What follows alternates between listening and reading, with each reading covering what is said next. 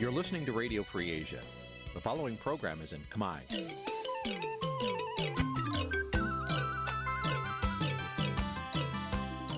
នេះជាកម្មវិធីផ្សាយ Vuthu Azizi Serai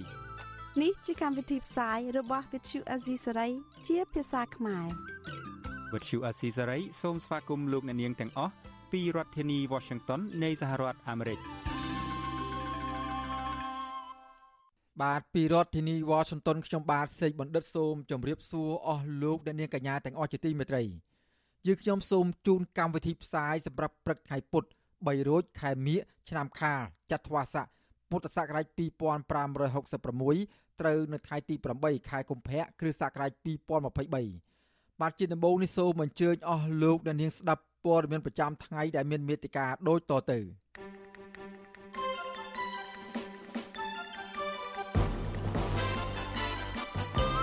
ចិនជំរុញឲ្យកម្ពុជាពង្រឹងសហគមន៍រួមគ្នាជាមួយចិនឲ្យកាន់តែខ្លាំងឡើងក្រមស្ត្រីចូលរួមធម្មយាត្រាចង់ឃើញសង្គមកម្ពុជាមានសិលធម៌ល្អនិងគោរពសិទ្ធិពលរដ្ឋស្លាវធបបាត់ដបងដំកល់សារក្រមផ្ដន់ទោសកម្មជនគណៈបកភ្លើងទៀនខេត្តពោធិ៍សាត់2នាក់ឲ្យជាប់គុក2ឆ្នាំដដែល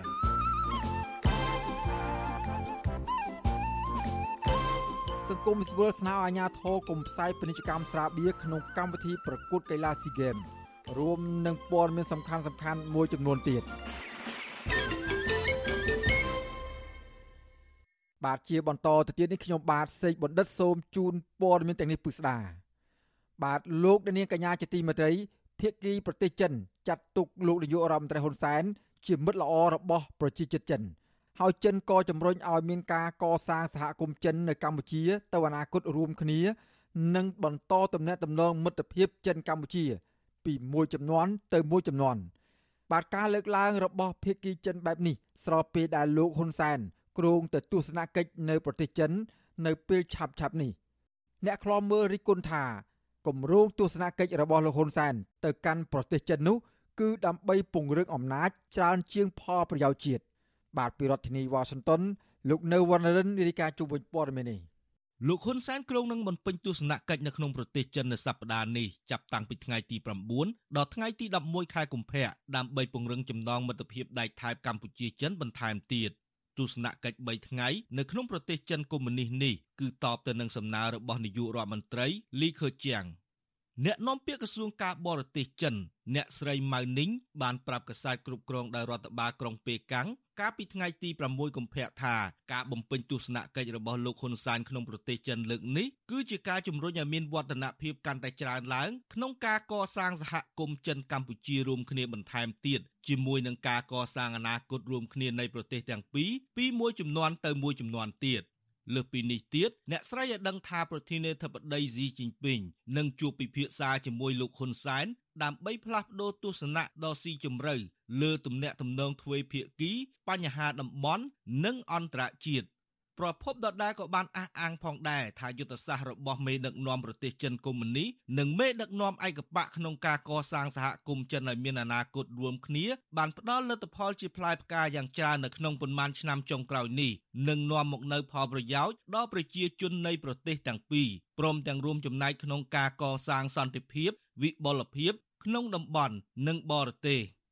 តកតងនឹងគម្រោងទស្សនកិច្ចរបស់មេដឹកនាំឯកបកទៅប្រទេសចិនកុម្មុយនីសនេះអ្នកឃ្លាំមើលស្ថានភាពនយោបាយអះអាងថាលោកហ៊ុនសែនទៅប្រទេសចិនពុំមានអ្វីក្រៅពីបន្តខ្ចីលុយចិន និងបង្កើនទំនាក់ទំនងល្អ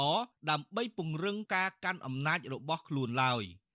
អ្នកវិភាគនយោបាយលោកកឹមសុខមានប្រសាសន៍ថាលោកហ៊ុនសែនទៅប្រទេសចិននាពេលខាងមុខនេះអាចមានផែនការពីរយ៉ាងគឺការស្នើសុំជំនួយបន្ថែមតាមរយៈកម្ចីនិងស្នើឲ្យប្រទេសចិនជួយគ្រប់គ្រងការទូតដើម្បីផ្ទេរអំណាចឲ្យកូនប្រុសរបស់លោកគឺលោកហ៊ុនម៉ាណែត លោកអះអាងទៀតថាស្របពេលដែលកម្ពុជាបង្កើនទំនាក់ទំនងជាមួយចិនយ៉ាងស្អិតល្មួតលោកហ៊ុនសែនក៏មិនអាចប្រឡែងដៃពីមិត្តភាពវឿនឆ្នាំជាមួយវៀតណាមដែលជាទំនាក់ទំនងស៊ីជម្រៅនោះដែរ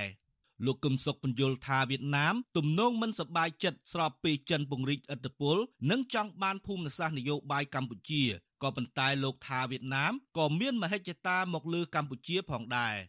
បំណងរបស់វៀតណាមលើកម្ពុជាវិញកាន់តែអាក្រក់ជាងចិនទៅទៀតគឺវៀតណាមចង់ត្រួតត្រាកម្ពុជា ដើម្បីអនុវត្តមហិច្ឆតាលេបយកកម្ពុជា អំណាចក្រុមគ្រួសារហ៊ុន នៅមិនទាន់មានស្ថិរភាពនោះទេ ពីព្រោះវាហាក់ដូចជាកំពុងតែដើរនៅក្នុងយុទ្ធសាស្ត្រមួយ នៅចន្លោះមាត់ក្រពើវៀតណាមហើយនឹងនៀកចិត្តងាកទៅណាក៏អាចប៉ះភ្លើងរលាកឬត្រូវភៀកគីណាមស៊ីឲ្យខ្ទេចដែរប្រសិនបើបោះជំហានខុសវិទ្យុអាស៊ីសេរីមិនអាចតាក់ទងแนะនាំពាក្យក្រសួងការបរទេសនិងប្រធានអង្គភិបអ្នកណែនាំពាក្យរដ្ឋាភិបាលលោកផៃស៊ីផាន ដើម្បីសុំការអធិប្បាយឆ្លើយតបនឹងការលើកឡើងនេះបានទេចំណែកអ្នកនាំពាក្យគណៈបកប្រជាជនកម្ពុជា លោកសុកអេសានឲ្យដឹងថាគម្រោងទស្សនកិច្ចរបស់លោកហ៊ុនសែនទៅប្រទេសចិន គឺជាការពង្រឹងទំនាក់ទំនងទ្វេភាគីបន្ថែមពីនេះ លោកសុកអេសានថាមជ្ឈដ្ឋានមួយចំនួន លើកឡើងថាលោកហ៊ុនសែនទៅពឹងពាក់ចិនឲ្យជួយគ្រប់គ្រងផែនការផ្ទេរអំណាចទៅលោកហ៊ុនម៉ាណែតគឺពួកគេមិនយល់ពីច្បាប់នៃប្រទេសកម្ពុជានោះទេ អ្នកដែលថាចេះតែថាទៅអត់ដឹងពីគោលការណ៍លក្ខការផ្ទៃក្នុងរបស់គណៈបកនីមួយៗហើយអត់យល់អំពីច្បាប់កម្ពុជាទៅទៀតហើយគណៈបកនីមួយៗសុទ្ធតែមានសិទ្ធិក្នុងការជ្រើសរើសបេក្ខភាពនាយករដ្ឋមន្ត្រីរបស់ខ្លួនតែដូច្នេះអ្នកថានឹងអត់យល់គេផងឆ្នេះហើយការនិយាយថាសម្ដេចជើញទៅចិនដើម្បីចេះដើម្បីចោះអានឹងគ្រាន់តែជាការប៉ាន់ស្មានទេ បើទោះជាយ៉ាងនេះក្តីអ្នកឃ្លាំមើលលើកឡើងថាប្រសិនបើគ្មានអន្តរជាតិគ្រប់គ្រងផែនការផ្ទេរអំណាចទេលោកហ៊ុនសែនទំនងជាអាចនឹងពិបាកនៅក្នុងការសម្រេចផែនការផ្ទេរអំណាចឲ្យកូនប្រុសច្បងរបស់លោកគឺលោកហ៊ុនម៉ាណែតនាពេលអនាគតអគ្គលេខាធិការសហព័ន្ធនិស្សិតបញ្ញវន្តខ្មែរ លោកគៀនពន្លកថ្លែងថាការលើកឡើងរបស់អ្នកនាំពាក្យក្រសួងការបរទេសចិនដែលថាកម្ពុជានិងចិនមានទំនាក់ទំនងល្អនិងសម្រេចបាននូវផលប្រយោជន៍ដល់ប្រជាជននោះគឺមិនឆ្លោះបញ្ចាំងពីការពិតទាំងស្រុងនោះទេខណៈក្រុមហ៊ុនចិនខ្លះមកវិនិយោគនៅកម្ពុជា បានជញ្ជក់ធនធានធម្មជាតិកម្ពុជាជាបន្តបន្ទាប់ ក្រៅពីនេះទៀតលោកក៏ព្រួយបារម្ភថាបើកម្ពុជាបន្តខ្ចីលុយបុលពីចិន និងប្រើប្រាស់លុយកម្ចីបរទេសនោះយកមកអភិវឌ្ឍជាតិគ្មានដំណាភាព និងកណន័យភាពនោះកម្ពុជាអាចជាប់អន្ទាក់បំណុលរបស់ចិនវ៉ាន់កដកខ្លួនមិនរួច នៅពេលណាមួយដែលប្រទេសកម្ពុជាមិនមានលទ្ធភាពក្នុងការសងទៅប្រទេសចិនទេ កម្ពុជាអាចដូចជាប្រទេសស្រីលង្កាជាប់អន្ទាក់បំណុលចិនកាន់តែច្រើនទៅច្រើនទៅហើយស្រីលង្កាមិនមានលទ្ធភាពក្នុងការសងទៅប្រទេសចិននៅពេលនោះគឺស្រីលង្កាគឺបានកាត់កំពង់ផែឲ្យទៅប្រទេសចិនគ្រប់គ្រងអញ្ចឹងប្រសិនបើកម្ចីរបស់ចិននេះជាកម្ចីមួយដែលជាមិត្តមួយដែលមិនមានភាពស្មោះត្រង់ហើយជាពិសេសគឺរដ្ឋាភិបាលចេះតែខ្ចីច្រើនទៅច្រើនទៅនៅថ្ងៃណាមួយប្រទេសកម្ពុជាគឺនឹងរងគ្រោះដោយសារប្រទេសចិនកាលពីខែមករាកន្លងទៅលោកហ៊ុនសែននៅដឹងថាលោកគ្រងទៅបំពេញទស្សនកិច្ចនៅប្រទេសចិនដើម្បីស្នើប្រាក់កម្ចីបន្ថែមទៀតពីមិត្តដែកថែបរបស់លោកសម្រាប់យកមកកសាងផ្លូវនិងស្ពាននៅក្នុងប្រទេសកម្ពុជាក្រសួងសេដ្ឋកិច្ចនិងហិរញ្ញវត្ថុបង្ហាញថាគិតត្រឹមអំណាចត្រីមាសទី2ឆ្នាំ2022កម្ពុជាជំពាក់បំណុលបរទេសជិត10000លានដុល្លារ ក្នុងនោះបំណុលរដ្ឋស្ទើរតែពាក់កណ្ដាលគឺកម្ពុជាជំពាក់មិត្តដែកថែបចិន ដែលមានចំនួនប្រមាណ4000លានដុល្លារអាមេរិកខ្ញុំបាទនៅវណ្ណរិន With Chu Azizi Saray ពីរដ្ឋធានី Washington បាទលោកអ្នកនាងកញ្ញាជាទីមេត្រីពាក់ព័ន្ធនឹងក្បួនធម្មយាត្រាដែលទើបនឹងបញ្ចប់ទៅថ្មីថ្មីនេះវិញស្ត្រីចូលរួមដើរក្បួនធម្មយាត្រាលើកកម្ពស់សិលធម៌សង្គមមានចំនួនច្រើនជាងបរិះក្នុងរយៈពេល7ថ្ងៃនៃយុទ្ធនាការនេះ តើមូលហេតុអ្វីបានជាក្រមស្ត្រីចូលរួមយុទ្ធនាការលើកកម្ពស់សិលធម៌សង្គមដឹកនាំដោយសមាគមគ្រូបង្រៀនកម្ពុជាឯករាជ្យដែលទើបនឹងបញ្ចប់កាលពីថ្ងៃទី7ខែកុម្ភៈនេះបាទពីរដ្ឋធានី Washington អ្នកស្រីសុជីវីរាយការណ៍ជុំវិញរឿងនេះក្រមស្ត្រីចូលរួមធម្មយាត្រាចង់ឃើញសង្គមកម្ពុជា មានសិលធម៌ល្អដែលអាចនាំទៅឲ្យមានយុត្តិធម៌សង្គមមានការគោរពសិទ្ធិពលរដ្ឋពលគឺលែងមានការគំរាមកំហែងការប្រើអំពើហិង្សា និងការចាប់ដាក់ពន្ធនាគារដោយសារតែពលរដ្ឋអនុវត្តសិទ្ធិសេរីភាពជាមូលដ្ឋានកញ្ញាហេងបូរីជាកម្មកររោងចក្រនៅក្រុងភ្នំពេញបានចូលរួមហែធម្មយាត្រាពេញទាំង7ថ្ងៃប្រាប់វិទ្យុអាស៊ីសេរីថាកញ្ញាសម្រេចសុំច្បាប់ពីការងារមកចូលរួមយុទ្ធនាការនេះដោយសារតែពេញចិត្តនឹងគោលបំណងរបស់យុទ្ធនាការដែលជំរុញលើកកម្ពស់សិលធម៌សង្គមនិងទាមទារឲ្យដោះលែងអ្នកជាប់ឃុំដោយអយុត្តិធម៌ កញ្ញាបន្តថានេះជាលើកទី1ហើយដែលកញ្ញាធ្វើដំណើរដោយថ្មើរជើងក្នុងចម្ងាយឆ្ងាយដែលធ្វើឲ្យបាតជើងទាំងសងខាងឡើងពងបែកតែទោះជាយ៉ាងណាកញ្ញាប្រឹងជំនះរហូតដើរបានដល់គោលដៅកញ្ញាបរិយបញ្ជាក់ម្ដងហើយម្ដងទៀតថាកញ្ញាជឿជាក់ថាការចូលរួមយុទ្ធនាការបែបនេះនឹងជួយឲ្យមានការយល់ដឹងពីសារៈសំខាន់នៃសិលធម៌សង្គមនិងយុត្តិធម៌សង្គមហើយមូលហេតុចម្បងនាំទៅលើកកម្ពស់សិលធម៌សង្គម គឺការអនុវត្តច្បាប់ដោយយុត្តិធម៌ការធ្លាក់ចុះរបស់សិលធម៌សង្គមនេះគឺដោយសារតែការអនុវត្តច្បាប់ដោយមិនមានយុត្តិធម៌ហើយនៅរាល់ណាបើយើងមានច្បាប់យើងអនុវត្តច្បាប់ទៅតាមច្បាប់ដែលមានយុត្តិធម៌មានតម្លាភាពត្រឹមត្រូវនោះការនិយាយស្ដីការប្រព្រឹត្តទង្វើផ្សេងផ្សេងហ្នឹងគឺយើងគោរពទៅតាមគោលការណ៍ច្បាប់មិនធ្វើឲ្យវាមានការខុសប្រព្រឹត្តខុសពីច្បាប់និងអារឿងសិលធម៌ធ្លាក់ចុះទេបង សមាគមគ្រូបង្រៀនកម្ពុជាឯករាជ្យបានចាប់ផ្ដើមធម្មយាត្រាលើកកម្ពស់សិលធម៌សង្គមកាលពីថ្ងៃទី1ខែកុម្ភៈនិងបានបិទបញ្ចប់កាលពីថ្ងៃទី7ខែកុម្ភៈដោយចេញពីភ្នំពេញទៅកាន់បូជនីយដ្ឋានអ្នកតាឃ្លាំងមឿនៅក្នុងខេត្តពោធិ៍សាត់ធ្វើដំណើរតាមផ្លូវជាតិលេខ5ឆ្លងកាត់ខេត្តកណ្ដាលនិងខេត្តកំពង់ឆ្នាំងក្នុងរយៈពេល7ថ្ងៃនេះធម្មយាត្រានេះបានជួបបញ្ហាជាច្រើនរួមមានអញ្ញាធររារាំងមិនអោយវត្តអារាមទាំងឡាយនៅតាមដងផ្លូវ ទទួលអ្នកចូលរួមស្នាក់នៅពេលយប់រារាំងគម្រាមកំហែងពលរដ្ឋរស់នៅតាមដងផ្លូវមិនអោយចូលរួម និងនៅថ្ងៃចុងក្រោយអញ្ញាធរនៅក្នុងខេត្តពោធិ៍សាត់រារាំងមិនអោយអ្នកជួបជុំចូលរួមលើសពី50នាក់ខណៈដែលអ្នកចូលរួមបានកើនឡើងដល់ប្រមាណ200នាក់គ្រូបង្រៀននៅស្រុកក្រគរម្នាក់អ្នកស្រីឈិនច័ន្ទណានរៀបរាប់ថា អ្នកស្រីឆ្លៀតពេលទំនេរពីការបង្រៀនទៅចូលរួមធម្មយាត្រា នៅប្រមាណថ្ងៃចុងក្រោយដែលធម្មយាត្រាបានទៅដល់ខេត្តពោធិ៍សាត់អ្នកស្រីចូលរួមយុទ្ធនាការនេះព្រោះអ្នកស្រីមិនចង់ឃើញអំពើហិង្សាបន្តកើតមាននៅក្នុងសង្គមតទៅទៀតជាពិសេសអំពើហិង្សាពីសំណាក់អាជ្ញាធរទៅលើអ្នកតវ៉ានៅតាមដងផ្លូវដែលជាទង្វើអសិលធម៌អ្នកស្រីអំពីវនេះដល់ពលរដ្ឋដែលស្រឡាញ់យុត្តិធម៌សិលធម៌សង្គមចូលរួមធម្មយាត្រានិងយុទ្ធនាការបែបនេះបន្តទៀតព្រមទាំងចូលរួមបញ្ឈប់អំពើហិង្សាទាំងអស់គ្នា ពេលគាត់បាត់បង់ដីធ្លីបាត់បង់ផ្ទះសម្បែងហើយនឹងនៅពេលដែលកោតកោទៅធ្វើបដកម្មទាមទារយុត្តិធម៌តែងតែកើតមានអំពើហិង្សាជារឿយរឿយហើយក៏ធ្លាប់ឃើញនៅតាមបណ្ដាសាលាប៉ុន្តែមិនមែនជាសាលារបស់ខ្ញុំនៅសាលាផ្សេងផ្សេងហ្នឹងឃើញផុសជាព័ត៌មានប្រើអំពើហិង្សាអីតិចតួចដែរអញ្ចឹងហើយបានជាខ្ញុំចង់ឲ្យបញ្ឈប់ការប្រើអំពើហិង្សានេះมัน ចំពោះថ្នាក់ដឹកនាំចំពោះប្រជាពលរដ្ឋមន្ត្រីរាជការទេ គឺសូមឲ្យចូលរួមទាំងអស់គ្នាតែម្ដងធម្មយាត្រាលើកកម្ពស់សិលធម៌សង្គមនេះក៏មានគោលបំណងទាមទារឲ្យដោះលែងអ្នកកំពុងជាប់ឃុំដោយអយុត្តិធម៌ឬអ្នកជាប់ឃុំដោយសារការអនុវត្តសិទ្ធិសេរីភាពជាមូលដ្ឋានក្នុងនោះក៏មានអ្នកច្បាប់ខ្មែរសញ្ជាតិអាមេរិកកញ្ញាសេងធីរី និងមេដឹកនាំសហជីពនៅ Nagawal កញ្ញាឈឹមស៊ីថដែរ យុវតីវ័យជាង20ឆ្នាំកញ្ញាតូចស្រីនិចជាអ្នករស់នៅក្រុងភ្នំពេញបានឆ្លៀតពេលចូលរួមធម្មយាត្រានេះលើកឡើងថាធម្មយាត្រាលើកកម្ពស់សិលធម៌សង្គមនេះគឺជាឱកាសឲ្យកញ្ញាជាយុវជន បានចូលរួមការងារសង្គមកញ្ញាបន្តថាអ្វីដែលកញ្ញាចង់បាន គឺយុត្តិធម៌សម្រាប់ពលរដ្ឋគ្រប់គ្នា ដោយពុំមានការរើសអើងនយោបាយកញ្ញាអំពាវនាវដល់យុវជនចំនួនក្រោយឲ្យក្លាហានធ្វើការងារសង្គម ដើម្បីជាប្រយោជន៍សម្រាប់មនុស្សគ្រប់គ្នានៅក្នុងសង្គមហើយការគម្រាមកំហែងបើយើងគិតតែខ្លាចអញ្ញាធរតាមខ្លាចគេគម្រាមអញ្ចឹងយើងអាចជួយទៅដល់ប្រទេសជាតិបានទេព្រោះប្រទេសជាតិយើងយើងដឹងស្រាប់ហើយតាំងពីដើមមកបើមិនវាយក៏ចាត់ចងបើមិនចាត់ចងក៏គម្រាមកំហែងធ្វើបាបគ្រប់ផែនការដែលគេចង់ធ្វើបាបយើងអញ្ចឹងណាយើងចូលរួមមិនមែនថាយើងជាចៅប្លន់ជាអីទេអានេះដើម្បី ជួយលើកស្ទួយបព្វធម៌អរិយធម៌និងជួយដល់ប្រទេសជាតិជួយដល់ទឹកដីបើទោះបីជាធម្មយាត្រានេះដើម្បីសិលធម៌យុត្តិធម៌សង្គមសម្រាប់មន្ត្រីអ្នកនាំពាក្យបកកណ្ដាលអំណាចលោកសុកអេសានវិញចាត់ទុកធម្មយាត្រានេះគឺជាការកេងចំណេញនយោបាយរបស់គណៈបកប្រឆាំងត្បិតអ្នកដឹកនាំធម្មយាត្រានេះគឺលោករងឈុនដែលលោកទៅប្រកាសចូលរួមនយោបាយជាមួយគណៈបកភ្លើងទៀនហើយទាមទារឲ្យដោះលែងមន្ត្រី និងសកម្មជនគណៈបកសង្គ្រោះជាតិដែលកំពុងជាប់ឃុំឆ្លើយតបនឹងការលើកឡើងបែបនេះប្រធានសហភាពសហជីពកម្ពុជានិងជាទីប្រឹក្សាសមាគមគ្រូបង្រៀនកម្ពុជាឯករាជ្យលោករងជុនបញ្ជាក់ថា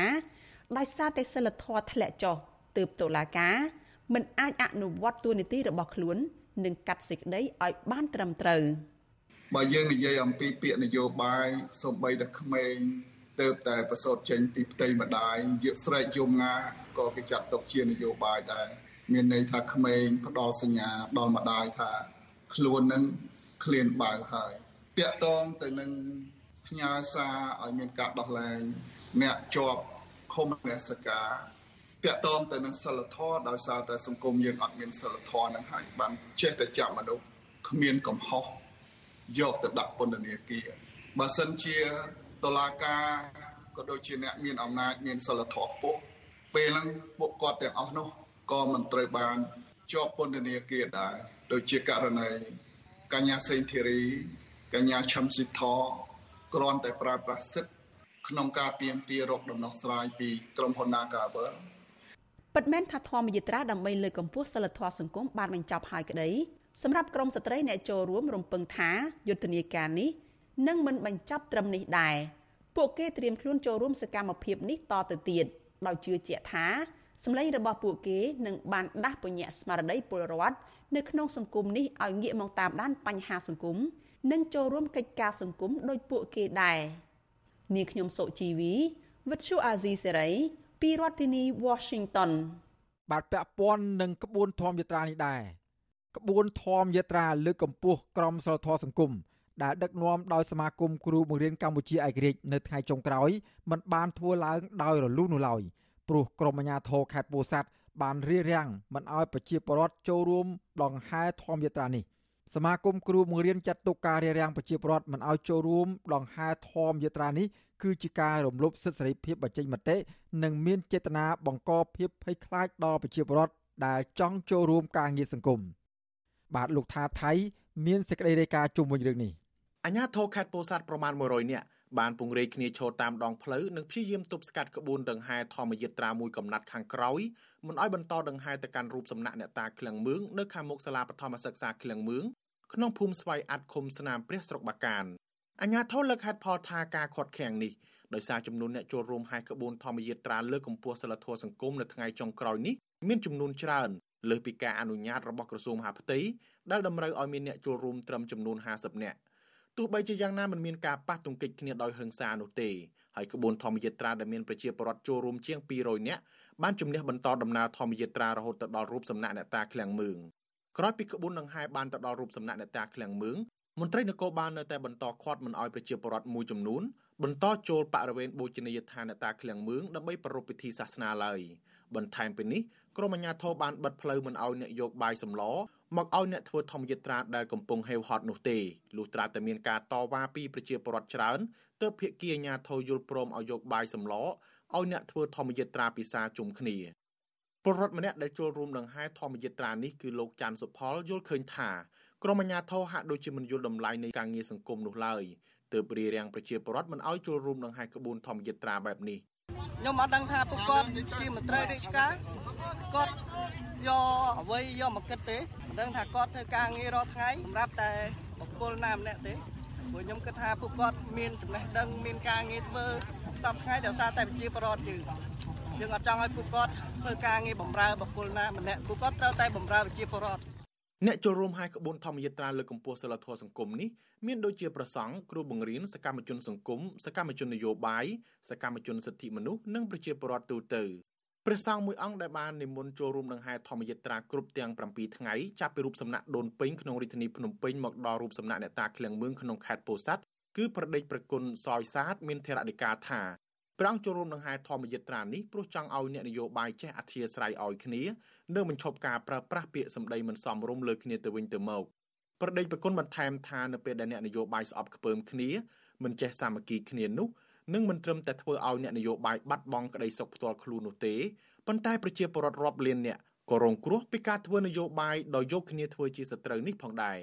ការសន្ទនាគ្នាការបញ្យល់គ្នាជាសត្រូវនេះជាទង្វើល្អបំផុតជាផ្នែកកំណត់ល្អបំផុតរបស់អ្នកនយោបាយម្ល៉េះហើយល្មមល្មមអ្នកនយោបាយយល់ថាពេលដែលមានប៉ះទង្គិចនៅបញ្ហាអ្វីមួយ មិនមែនអ្នកនយោបាយកម្ពុជាកម្ពុជារកគ្រោះថ្នាក់ទេ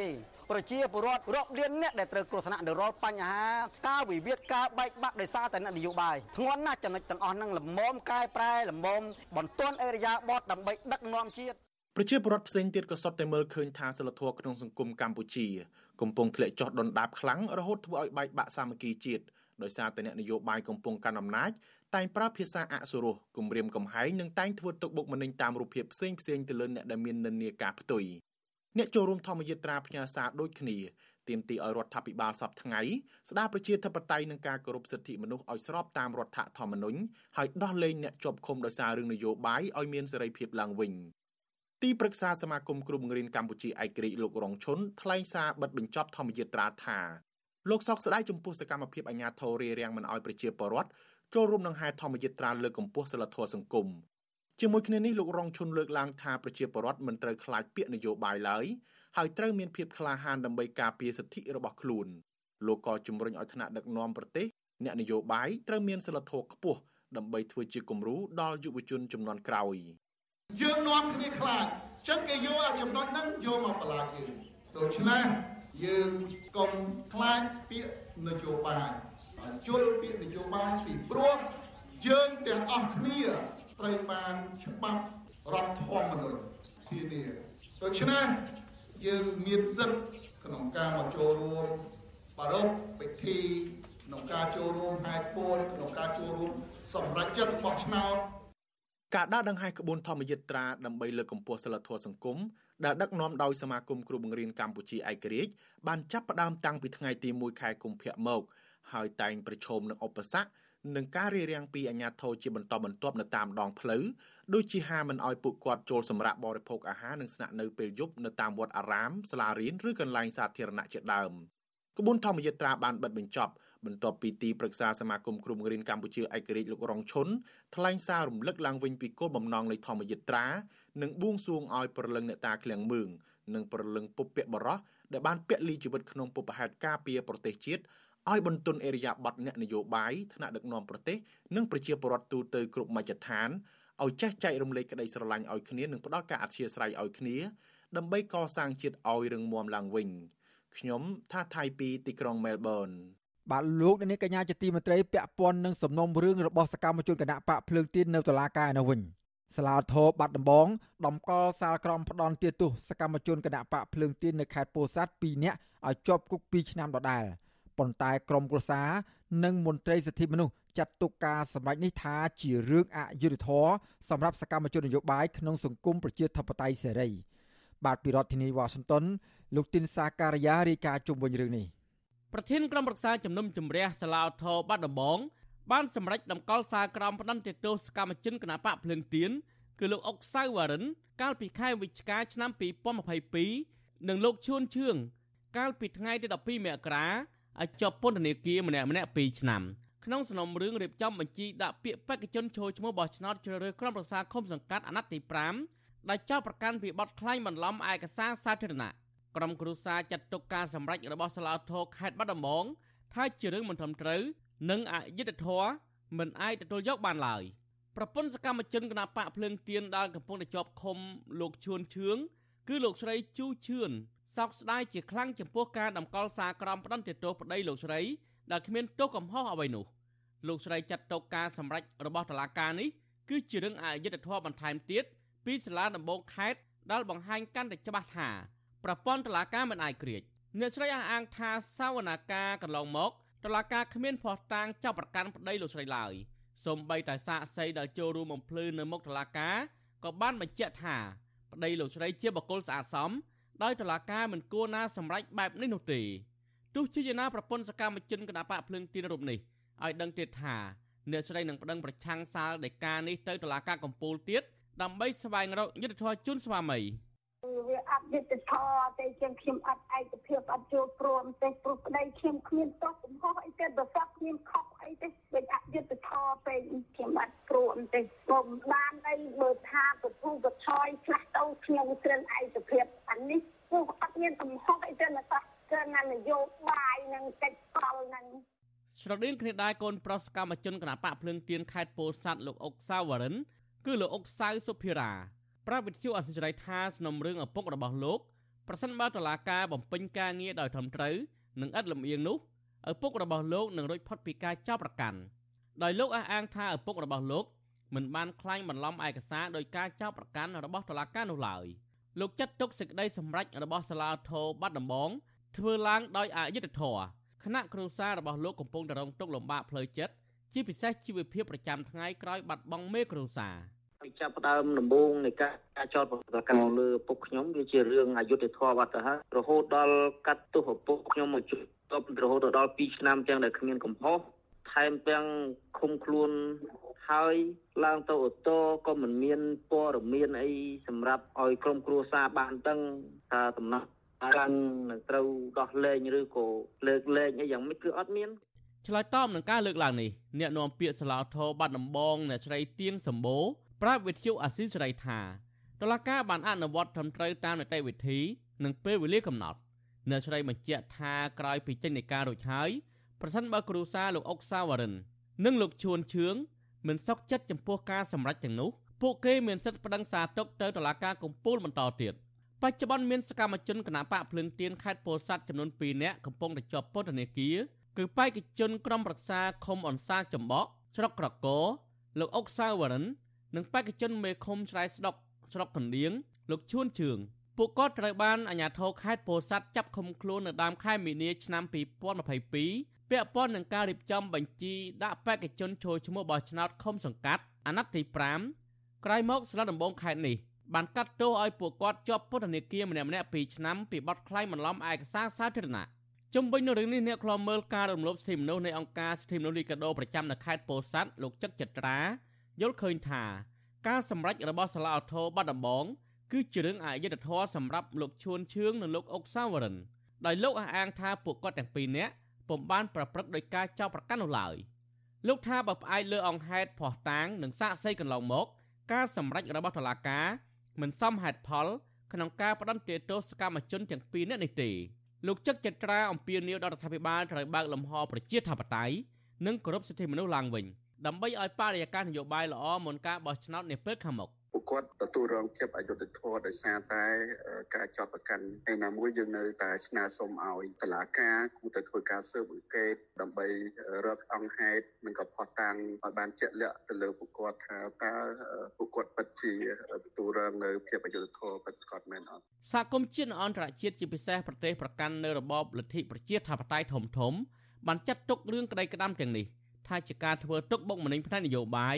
និងថ្កោលទោសរដ្ឋាភិបាលលហ៊ុនសែនចំពោះការប្រើប្រាស់ប្រព័ន្ធតុលាការដើម្បីបង្ក្រាបសម្លេងគណៈបកភ្លើងទៀនដែលជាគណៈបកលេចធ្លោនិងជាដៃគូប្រកបប្រជែងជាមួយគណៈបកកណ្ដាលអំណាចសម្រាប់ការបោះឆ្នោតជ្រើសតាំងតំណាងរាស្ត្រអាណត្តិទី7ខាងមុខទន្ទឹមនឹងនេះពួកគេទាមទាររដ្ឋាភិបាលលហ៊ុនសែនដោះលែងសកម្មជនទាំងនេះជាបន្ទាន់និងឥតលក្ខខណ្ឌខ្ញុំទីនសាការីយ៉ាស៊ីសេរីប្រធានីវ៉ាស៊ីនតោន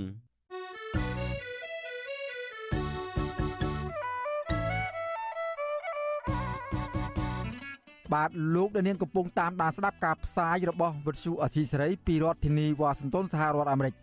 កម្មវិធីផ្សាយរបស់វិទ្យុអសីសេរីផ្សាយដំណើរគ្នាតាមរយៈរលកធារកាសខ្លីឬ Shortwave តាមកម្រិតនិងកម្ពស់ដូចតទៅនេះពេលព្រឹកចាប់ពីម៉ោង5កន្លះដល់ម៉ោង6កន្លះតាមរយៈប៉ុស SW 9.39 MHz ស្មើនឹងកម្ពស់ 32m និងប៉ុស SW 11.85 MHz ស្មើនឹងកម្ពស់ 25m ពេលយប់ចាប់ពីម៉ោង7កន្លះដល់ម៉ោង8កន្លះតាមរយៈប៉ុស FW 9.39 MHz ស្មើនឹងកម្ពស់ 32m ប៉ុស SW 11.88 MHz ស្មើនឹងកម្ពស់ 25m និងប៉ុស SW 15.15 MHz ស្មើនឹងកម្ពស់ 20m បាទសូមអរគុណ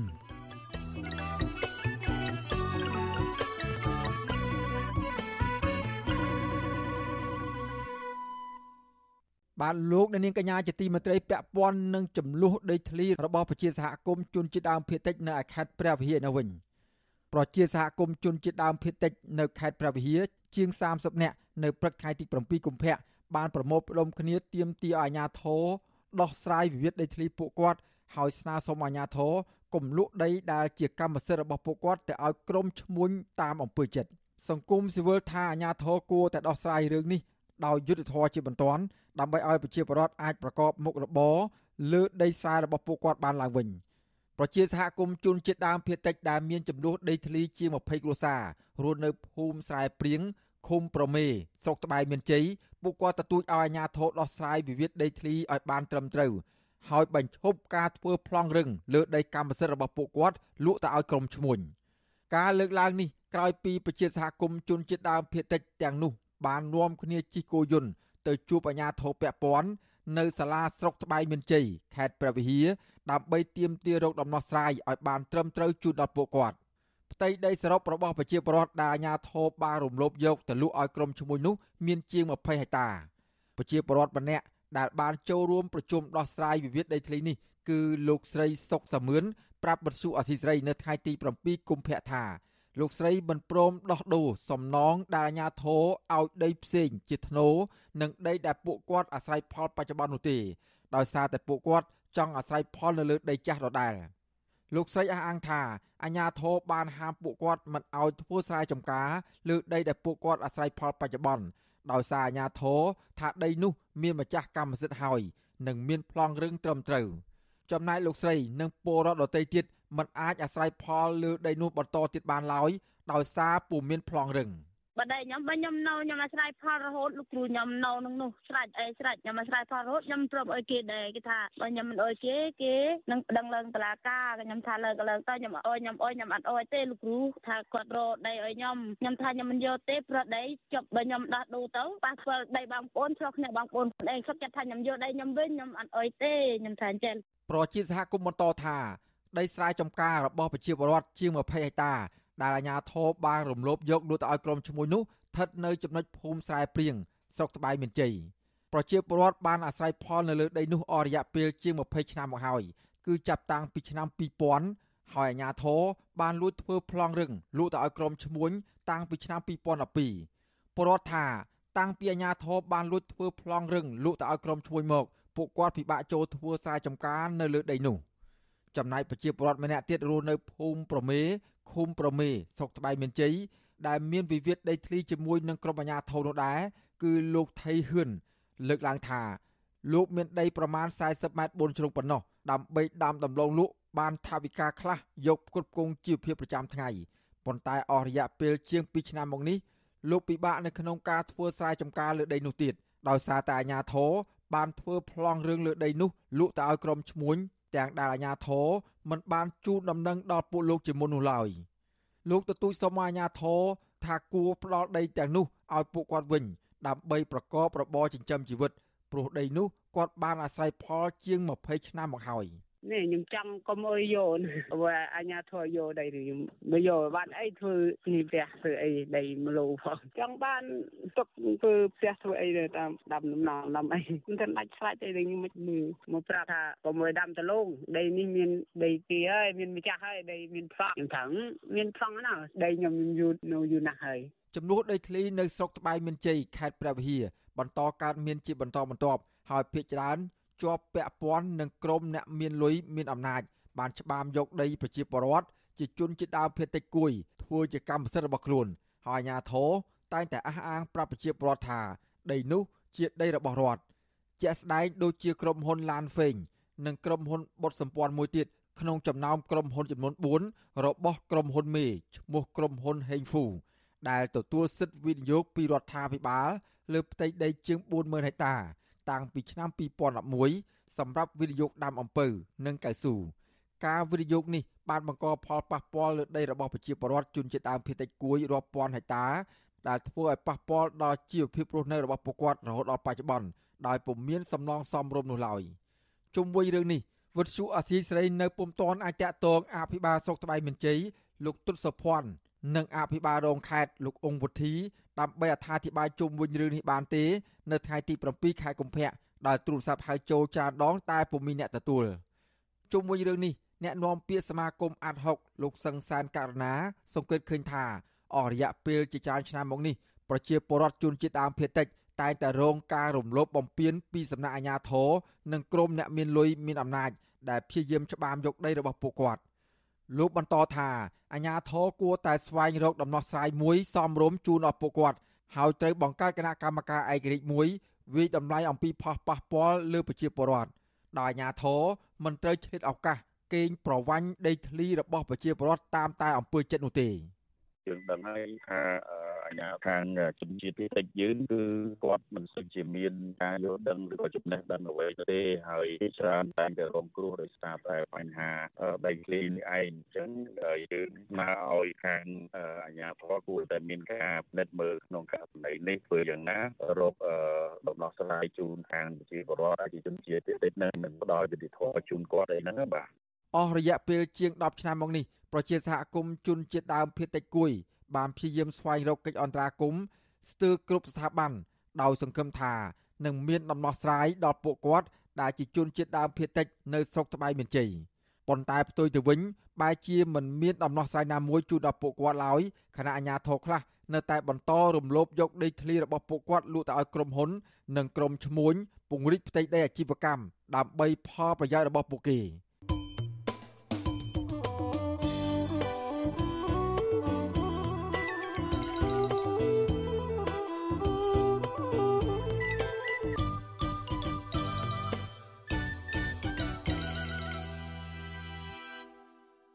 បាទពាក់ព័ន្ធនឹងបញ្ហាដីធ្លីនេះដែរនៅឯខេត្តសៀមរាបឯនោះវិញ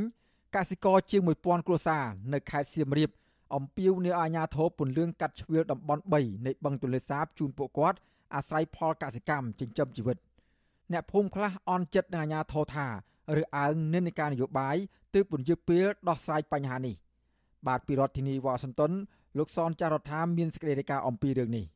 កសិករតនេនៅភូមិចំនួន4គឺភូមិខុនមក ភូមិត្រពាំងទឹមភូមិកោធ្លកនិងភូមិច្រេះស្រុកប្រាសាទបាគងនៅខេត្តសៀមរាបនៅតែទន្ទឹងរង់ចាំវិធានការកាត់ជ្រឿដីតំបន់3នៃបឹងទន្លេសាបជូនដល់ប្រកបស្រ័យផលស្របតាមការសន្យារបស់នាយករដ្ឋមន្ត្រីហ៊ុនសែនកសិករនៅភូមិកោធ្លកឃុំសដែកលោកសុងសានប្រាវិជូអេស៊ីសរ៉ៃថ្ងៃទី7កុម្ភៈថាលោកបានធ្វើកសកម្មតំបន់3ចាប់ពីឆ្នាំ1952ដើម្បីចិញ្ចឹមជីវិតក៏ប៉ុន្តែរយៈពេល10ឆ្នាំចុងក្រោយនេះ អញ្ញាធរតែងចោះហាមឃាត់កសិករមិនឲ្យធ្វើស្រែលើដីរបស់ខ្លួនហើយមានបញ្ហាជាច្រើនទៀតដែលពួកគាត់ពិបាកចូលធ្វើស្រែលើដីរបស់ខ្លួនលោកថាការពន្យាពេលមកដោះស្រាយបញ្ហានេះធ្វើអ្នកភូមិដីមិនលក់ខ្លាចក្រអាញាធរហាមខំមិនឲ្យធ្វើស្រែហើយភ័យខ្លាចអាញាធរចាប់គោយន្តពេលភ្ជួរស្រែលើដីរបស់ខ្លួនកើតមិនប្រងវាលឲ្យវា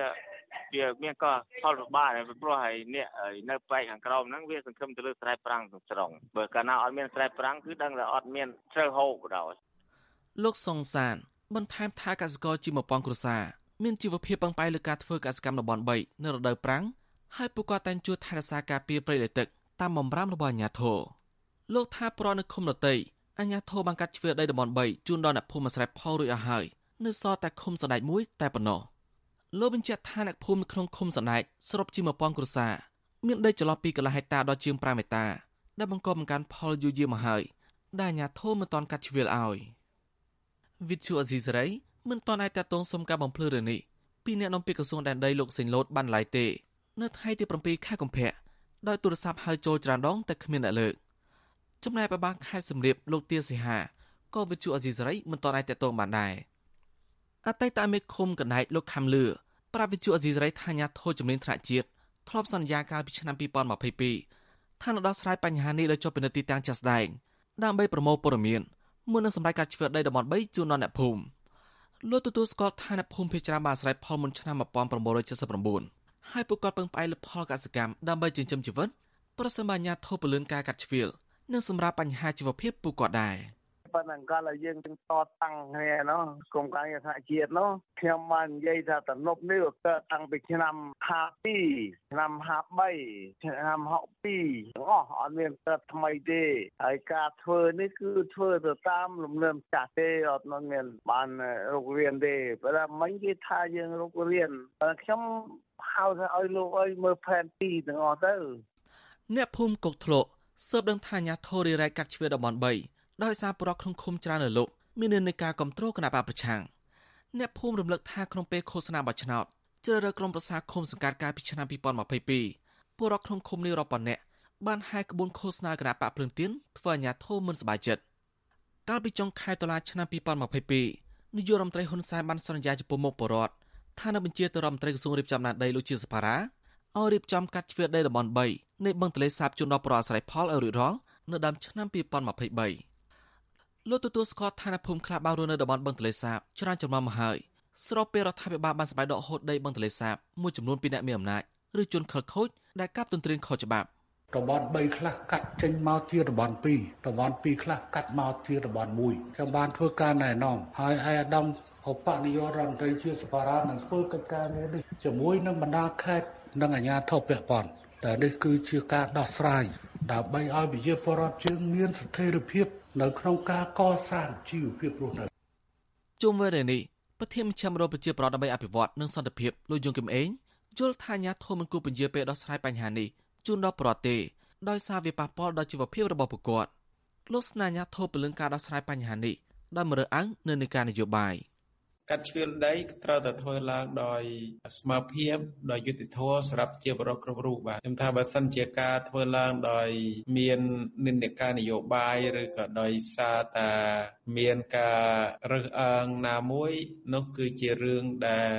ផ្ទុយពីច្បាប់ហើយជាបរិបទនឹងមិនមានទំនុកចិត្តទៅលើអាជ្ញាធរកាលពីខែឧសភាឆ្នាំ2022នាយករដ្ឋមន្ត្រីហ៊ុនសែនបានបញ្ជាស្ថាប័នពាក់ព័ន្ធសិក្សានឹងការសម្រួលផ្ទៃបឹងទន្លេសាប ដើម្បីកាត់ជ្រឿដីជូនដល់ប្រជាស្រ័យផលតាមរូបមន្តស្បែកខ្លាហើយប្រកាសប្រឆាំងចំពោះបុគ្គលមានលុយមានអំណាចដែលទន្ទ្រានយកដីបឹងទន្លេសាបធ្វើជាកម្មសិទ្ធិលោកបានបញ្ជាស្ថាប័នពាក់ព័ន្ធចូលទប់ស្កាត់បលល្មើសទន្ទ្រានដីព្រៃលិទឹកហើយដកហូតដីព្រៃលិទឹករាប់សែតាពីជនខិលខូចនិងបុគ្គលមានអំណាចក៏ប៉ុន្តែបរិវត្តនឹងសង្គមស៊ីវិលមើលឃើញថាវិធានការនេះធ្វើឡើងបានតែមួយរយៈពេលខ្លីប៉ុណ្ណោះហើយការអនុវត្តច្បាប់មិនគ្រប់ជ្រុងជ្រោយដោយសារអ្នកទន្ទ្រានដីព្រៃលិទឹកភ័យច្រើនជាបុគ្គលមានលុយមានអំណាច ដែលស្និទ្ធនឹងគណៈបកប្រជាជនកម្ពុជាខ្ញុំសុនចរថាវិទ្យុអេស៊ីសរ៉ៃរាយការណ៍ពីរដ្ឋធានីវ៉ាស៊ីនតោនបានលោកនាងកញ្ញាជាទីមេត្រីពាក់ព័ន្ធនឹងការប្រកួតកីឡាស៊ីហ្គេមនេះវិញស្របពេលដែលការប្រកួតកីឡាស៊ីហ្គេមអាស៊ានប៉ារ៉ាហ្គេមជិតឈានចូលមកដល់ក្រមមន្ត្រីអង្គការសង្គមស៊ីវិលនិងអ្នកតាមដានសង្គមបារម្ភថាការផ្សព្វផ្សាយពាណិជ្ជកម្មគ្រឿងស្រវឹងនៅក្នុងអំឡុងពេលនោះនឹងធ្វើឲ្យគុណតម្លៃ និងកិត្តិយសប្រទេសកម្ពុជាអាប់អោននៅក្នុងឆាកតំបន់និងអន្តរជាតិជាមិនខានបាទអ្នកស្រីម៉ៅសុធានីរាយការណ៍លម្អិតអំពីរឿងនេះពីរដ្ឋធានីវ៉ាស៊ីនតោន ការបោះឆ្នោតថ្នាក់ជាតិកាន់តែខិតជិតមកដល់ពលករខ្មែរនិងសកម្មជនគណបកភ្លើងទៀនដែលធ្វើចំណាក់ស្រុកនៅប្រទេសថៃលើកឡើងថាពួកគេនឹងទៅប្រទេសកម្ពុជាវិញ ដើម្បីចូលរួមការបោះឆ្នោតដោយសារតែពួកគេមើលឃើញថាក្រោមការដឹកនាំរបស់គណបកកណ្ដាលអំណាច កំពុងតែឈ្មោះទៅរកការដឹកនាំបែបផ្ដាច់ការនិងបកពួកនិយម សកម្មជនគណបកភ្លើងទៀនម្នាក់ដែលភៀសខ្លួនទៅប្រទេសថៃហើយបច្ចុប្បន្នចូលរួមជីវភាពនយោបាយជាមួយគណបកភ្លើងទៀនលោកឆនសុខឿនប្រាប់បច្ចុប្បន្នស៊ីស្រីនៅថ្ងៃទី4ខែកុម្ភៈថាលោកនឹងវិលត្រឡប់ទៅកម្ពុជាវិញក្នុងពេលឆាប់ឆាប់ដើម្បីចូលរួមការបោះឆ្នោតបើសិនជារដ្ឋាភិបាលលោកហ៊ុនសែន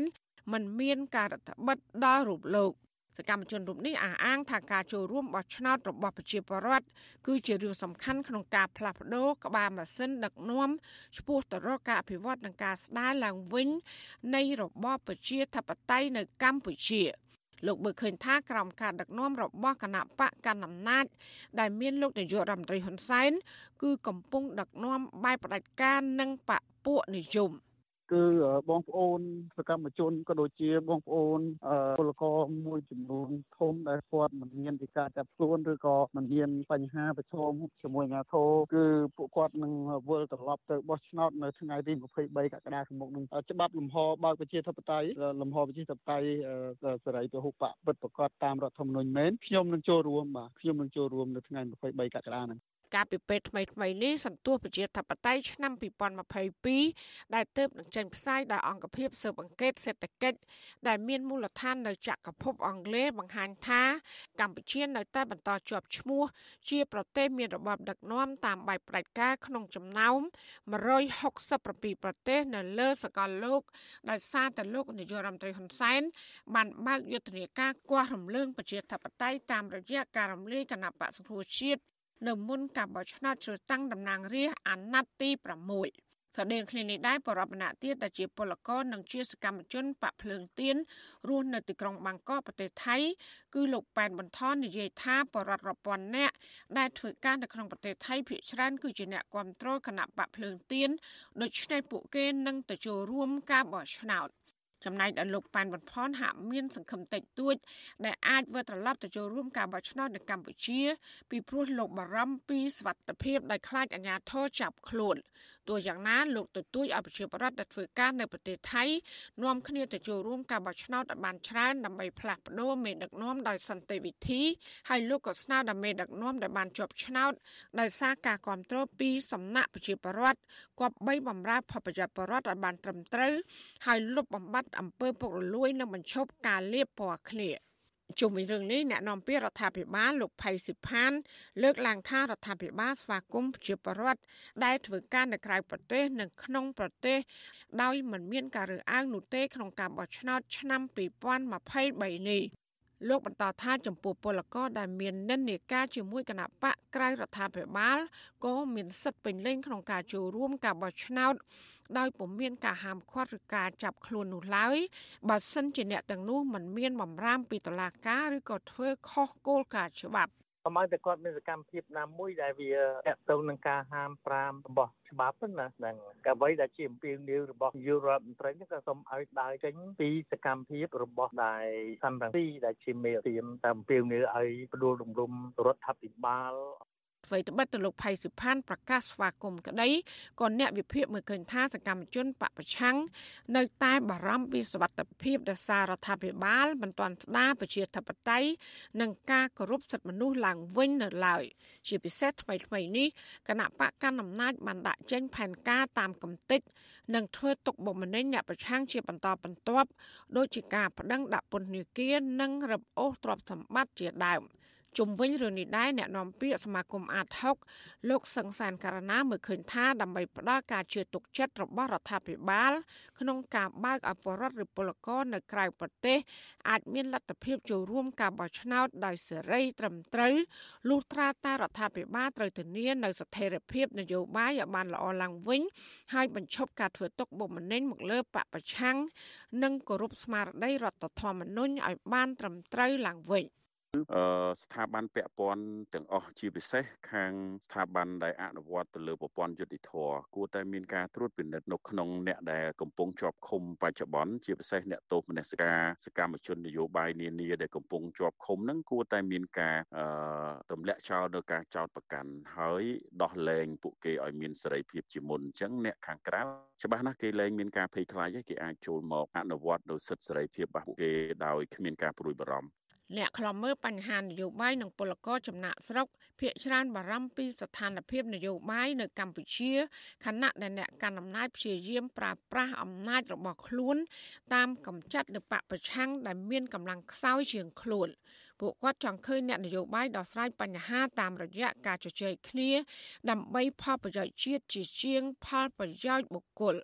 ចាននាងខ្ញុំម៉ៅសុធានីវិទ្យុអសីស្រីប្រធានាធិបតី Washington បាទលោកអ្នកនាងកញ្ញាជាទីមេត្រីពាក់ព័ន្ធនឹងកោតកោ Nagawal នោះវិញក្រុមកោតកោ Nagawal ប្រមាណ100នាក់បន្តធ្វើកោតកម្មអហិង្សាដើម្បីទាមទារឲ្យថៅកែក្រុមហ៊ុន Nagawal ដោះស្រាយវិវាទការងារដែលជាប់គាំងអស់រយៈពេលជាង1ឆ្នាំមកហើយនេះពួកគេបានឈរតម្រៀបជួរគ្នា ក្រោមកម្ដៅថ្ងៃ នៅខាងមុខក្រុមហ៊ុន Nagawal 2នៅក្បែររដ្ឋសភា និងក្បែរផ្ទះលោកនាយករដ្ឋមន្ត្រីហ៊ុនសែន។ ពួកគេស្លៀកពាក់ចម្រុះពណ៌ដោយអ្នកខ្លះដៃកាន់បដាមានរូបភាពផ្សេងផ្សេងស្នើឲ្យដោះលែងមេសហជីពកញ្ញាឈឹមស៊ីធនិងមានរូបម្ចាស់ភាគហ៊ុនធំធំរបស់ Nagawal និងរូបភាពលោកនាយករដ្ឋមន្ត្រីហ៊ុនសែនផង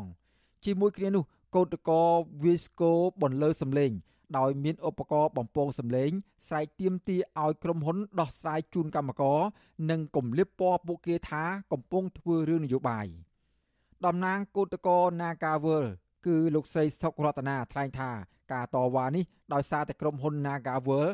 មិនដោះស្រាយវិវាទការងារជូនពួកគាត់លោកស្រីស្នើដល់រដ្ឋាភិបាលឲ្យជួយស្វែងរកដំណោះស្រាយជូនកម្មករឲ្យបានឆាប់រហ័សព្រោះវិវាទការងារនេះគឺអូសបន្លាយពេលជាង1ឆ្នាំទៅហើយ។ ខ្ញុំនៅតស៊ូរាល់ថ្ងៃគឺខ្ញុំតស៊ូដើម្បីសហជីពហើយសហជីពក៏គាត់តស៊ូដើម្បីយើងហើយយើងគឺជាគាត់គាត់គឺជាយើងតែប៉ុណ្្នឹងហើយខ្ញុំអត់ដែរបោះបង់គាត់ចោលទេពួកខ្ញុំនៅក្រៅហ្នឹងខ្ញុំតស៊ូដើម្បីទាមទារឲ្យ Nagaver ចេញមកដោះស្រាយដើម្បីឲ្យគេទម្លាក់ប័ណ្ណចោលទៅលើគាត់ទៅលើថ្នាក់ដឹកនាំទៅទៅជាសកម្មជនទាំងអស់ហើយចំពោះគាត់គឺខ្ញុំមានការនឹករលឹកគាត់ខ្លាំងមែនទែនបងក្រុមកោតក្រ Nagawal នៅតែរក្សាជំហរទៀមទា3ចំណុចរួមមាន ទម្លាក់បទចោទលើសហជីព Nagawal ទទួលយកតំណាងសហជីព Nagawal ឲ្យចូលធ្វើការវិញ និងទូទាត់ប្រាក់សំណងឲ្យបានត្រឹមត្រូវតាមច្បាប់ស្តីពីការងារ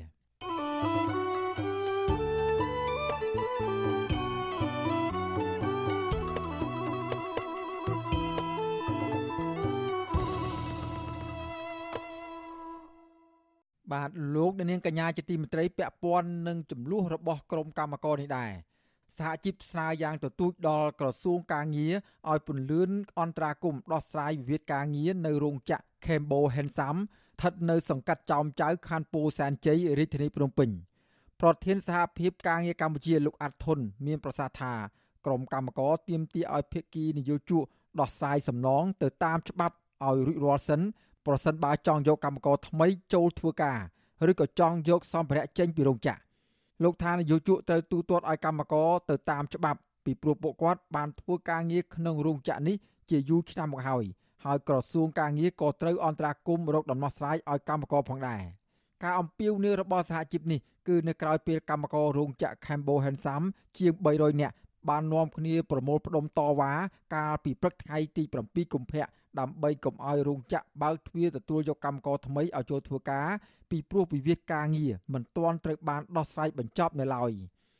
វិទ្យុអាស៊ីស្រីនៅពុំទាន់អាចតតងតំណាងរោងចក្រ Cambo Hensam និងអ្នកនាំពាក្យក្រសួងការងារលោកហេងសួរដើម្បីសាកសួររឿងនេះបានទេកាលពីយប់ថ្ងៃទី7ខែកុម្ភៈរោងចក្រ Cambo Hensam ជារោងចក្រផលិតសម្លៀកបំពាក់និងមានម្ចាស់ជាជនជាតិកូរ៉េខាងត្បូងរោងចក្រនេះមានកម្មករជាង1700នាក់ ប៉ុន្តែរោងចក្របានប្រកាសបិទអាជីវកម្មរបស់ខ្លួនកាលពីពេលថ្មីៗនេះក្រមសហជីពបានដឹងថារោងចក្របិទអាជីវកម្មដោយមិនបានជូនដំណឹងត្រឹមត្រូវហើយបានបញ្ឈប់កម្មករទាំងអស់ពីការងារដោយមិនបានទូទាត់អត្ថប្រយោជន៍ផ្សេងៗជូនកម្មករឲ្យបានត្រឹមត្រូវតាមច្បាប់នោះឡើយកាលពីថ្ងៃទី3ខែមករាភាគីរោងចក្របានប្រកាសអំពីការទូទាត់អត្ថប្រយោជន៍ចំនួន4ចំណុចដល់កម្មកររួមមានប្រាក់ខែចុងក្រោយ ប្រាក់ជួសឲ្យការឈប់សម្រាកប្រចាំឆ្នាំដែលនៅសល់ប្រាក់ជួសឲ្យការជូនដំណឹងជាមុនប្រាក់អតីតភាពការងារឆ្នាំ2023និងអតីតភាពការងារមុនឆ្នាំ2019ដែលនៅសល់ក៏ប៉ុន្តែភាគីកម្មករនិងសហជីពទាមទារឲ្យក្រុមហ៊ុនទូទាត់អត្ថប្រយោជន៍ចំនួន5ចំណុចអនុលោមតាមច្បាប់ការងារនោះគឺប្រាក់សំណងជំងឺចិត្តមួយទៀតលោកអាត់ធុនឲ្យដឹងថាក្នុងចំណោមកម្មករជាង1700នាក់នោះ មានកម្មករមួយចំនួន បានទទួលយកការទូទាត់របស់នយោជករួចហើយដោយសារតែមានអ្នកបំផុសបំផុលព័ត៌មានថាបើមិនព្រមទទួលយកទេពួកគាត់នឹងមិនទទួលបានសំណងអ្វីទាំងអស់បានលោកនាងកញ្ញាជាទីមេត្រីអ្នកនាំពាក្យគណៈរដ្ឋមន្ត្រីរបស់ថៃ បានឲ្យក្រុមអ្នកកាសែតដឹងកាលពីថ្ងៃអង្គារទី7កុម្ភៈថារដ្ឋាភិបាលថៃបានសម្រេចអនុញ្ញាតឲ្យពលករជាង2លាននាក់ ដែលហួសទិដ្ឋាការឬវីសាត្រឹមថ្ងៃទី13ខែកុម្ភៈអាចបន្តស្នាក់នៅប្រទេសថៃ ដើម្បីរៀបចំក្រដាសស្នាមដាក់ពាក្យស្នើសុំច្បាប់រស់នៅប្រទេសថៃបន្ត រហូតដល់ខែកុម្ភៈឆ្នាំ2024ឬ2025អ្នកស្រីត្រីស៊ូលីត្រីសារ៉ាណាគុណបានប្រាប់ក្រុមអ្នកសារព័ត៌មានថាពលករចំនួន2លាន5សែននាក់មកពីប្រទេសកម្ពុជាឡាវមីយ៉ាន់ម៉ានិងវៀតណាម ពួកគេមានពេលរហូតដល់ទៅថ្ងៃទី13ខែឧសភាដើម្បីបន្តទិដ្ឋាការឬវីសាអ្នកស្រីថ្លែងបន្ថែមនៅក្រៅកិច្ចប្រជុំគណៈរដ្ឋមន្ត្រីថាកម្មករដែលបានចុះឈ្មោះក្រោមការយកចិត្តទុកដាក់របស់ភ្នាក់ងាររដ្ឋាភិបាលនឹងបន្តមានសិទ្ធិទទួលបានការការពារសុខុមាលភាពថែមទៀតអ្នកស្រីឲ្យដឹងទៀតថាឥឡូវនេះមានតែកម្មករប្រមាណ403,000នាក់ប៉ុណ្ណោះដែលបានបន្តឯកសារស្នាក់នៅរបស់ពួកគេបាន រីឯប្រមាណ2លាននាក់ផ្សេងទៀតខ្វះឯកសារចាំបាច់ដូចជាលិខិតបញ្ជាក់អត្តសញ្ញាណដែលចេញពីរដ្ឋាភិបាលរបស់ពួកគេក្នុងនោះរួមទាំងកម្ពុជាផងដែរគណៈរដ្ឋមន្ត្រីថៃឲ្យដឹងថាមូលហេតុចម្បងដែលរដ្ឋាភិបាលថៃសម្រេចទុកពេល3ខែឲ្យពលករប្រទេសទាំងនេះរៀបចំក្រដាសស្នាមផ្លូវច្បាប់ក្រោយពីសុពលភាពវីសារបស់ពួកគេផុតកំណត់នោះគឺដើម្បីជួយដល់ម្ចាស់ក្រុមហ៊ុន និងអាជីវកម្មទាំងអស់ដំណើរការឡើងវិញក្រោយពីប៉ះពាល់ដោយសារជំងឺ Covid-19 អាញាធរថៃបញ្ជាក់ថាពលករខ្មែរនិងឡាវដែលខ្វះឯកសារនោះពួកគេអាចតាក់ទងស្ថានទូតរបស់ពួកគេនៅទីក្រុងបាងកកវិទ្យុអាស៊ីសេរីនៅពុំទាន់អាចតតងមន្ត្រីស្ថានទូតកម្ពុជាប្រចាំទីក្រុងបាងកកនិងអ្នកនាំពាក្យក្រសួងកាងារដើម្បីសួរអំពីបញ្ហានេះបន្ថែមបាននៅឡើយទេ កាលពីយប់ថ្ងៃទី7ខែកុម្ភៈ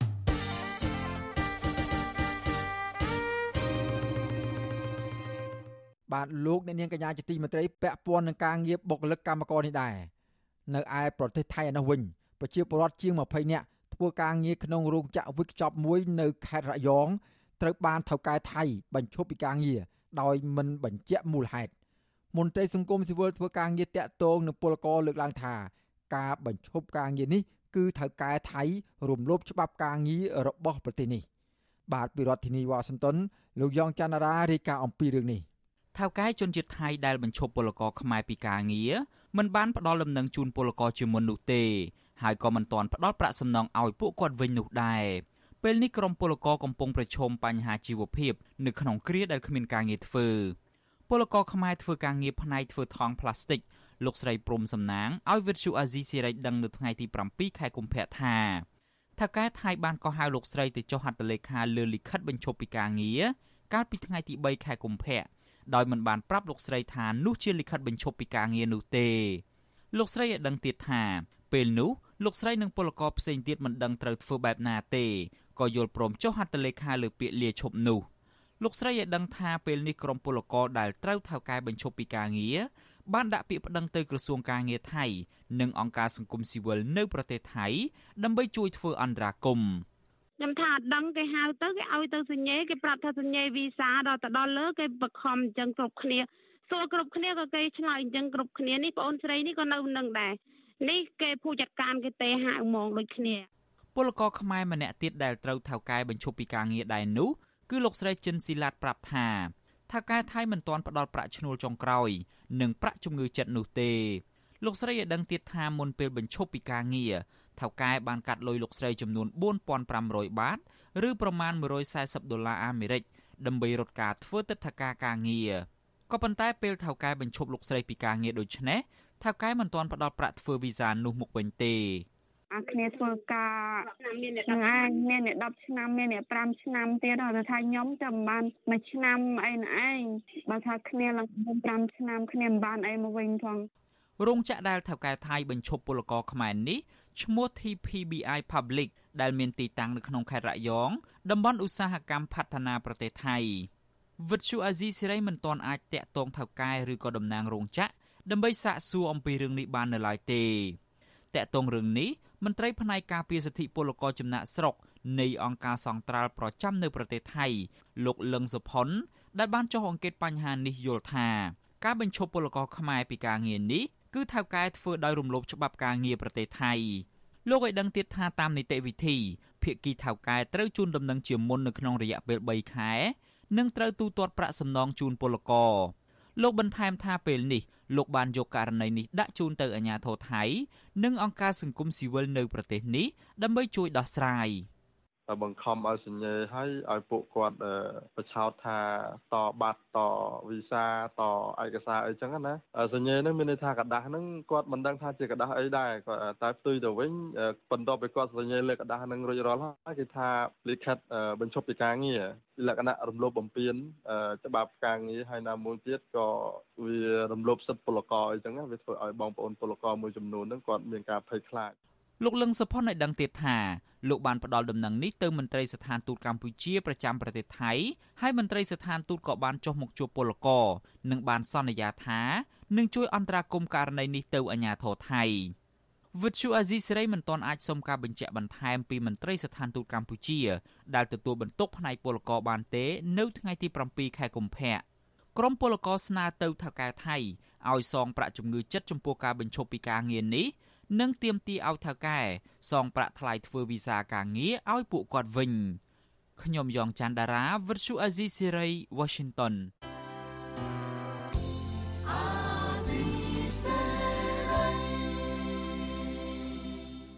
បាទលោកអ្នកនាងកញ្ញាជាទីមេត្រី ការផ្សាយរយៈពេល1ម៉ោងរបស់វិទ្យុអាស៊ីសេរីសម្រាប់ព្រឹកថ្ងៃពុធនេះបានឈានដល់ទីបញ្ចប់ហើយ ខ្ញុំបាទសេកបណ្ឌិតព្រមទាំងក្រុមការងារទាំងអស់របស់វិទ្យុអសីសេរីសូមជូនពរលោកនាងឲ្យជួបប្រកបតែនឹងសេចក្តីសុខចម្រើនរុងរឿងកំបីគ្លៀងគ្លាឡើយខ្ញុំបាទសូមអរគុណនិងសូមជម្រាបលា